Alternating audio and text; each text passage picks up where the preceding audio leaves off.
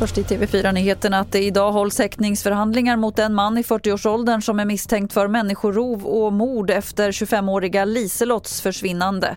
Den misstänkte mannen nekar till brott. Josefin Perming Tänkvist på polisen grova brott i Västernorrland.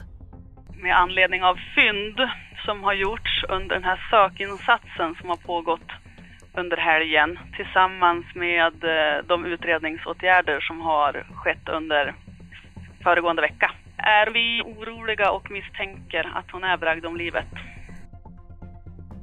Idag ska Ulf Kristersson presentera sin regering och vilka ministrar som ska ingå i den. Ett namn som bubblar till utrikesministerposten är Carl Bildt och KDs Ebba Busch kan bli närings eller energiminister. Klockan halv tio drar regeringsförklaringen igång och följs sen av konselj på slottet.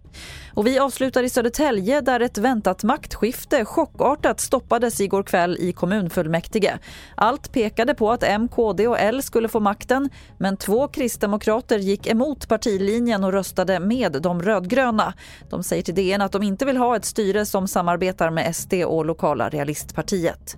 Fler nyheter finns på tv4.se. Jag heter Lotta Wall.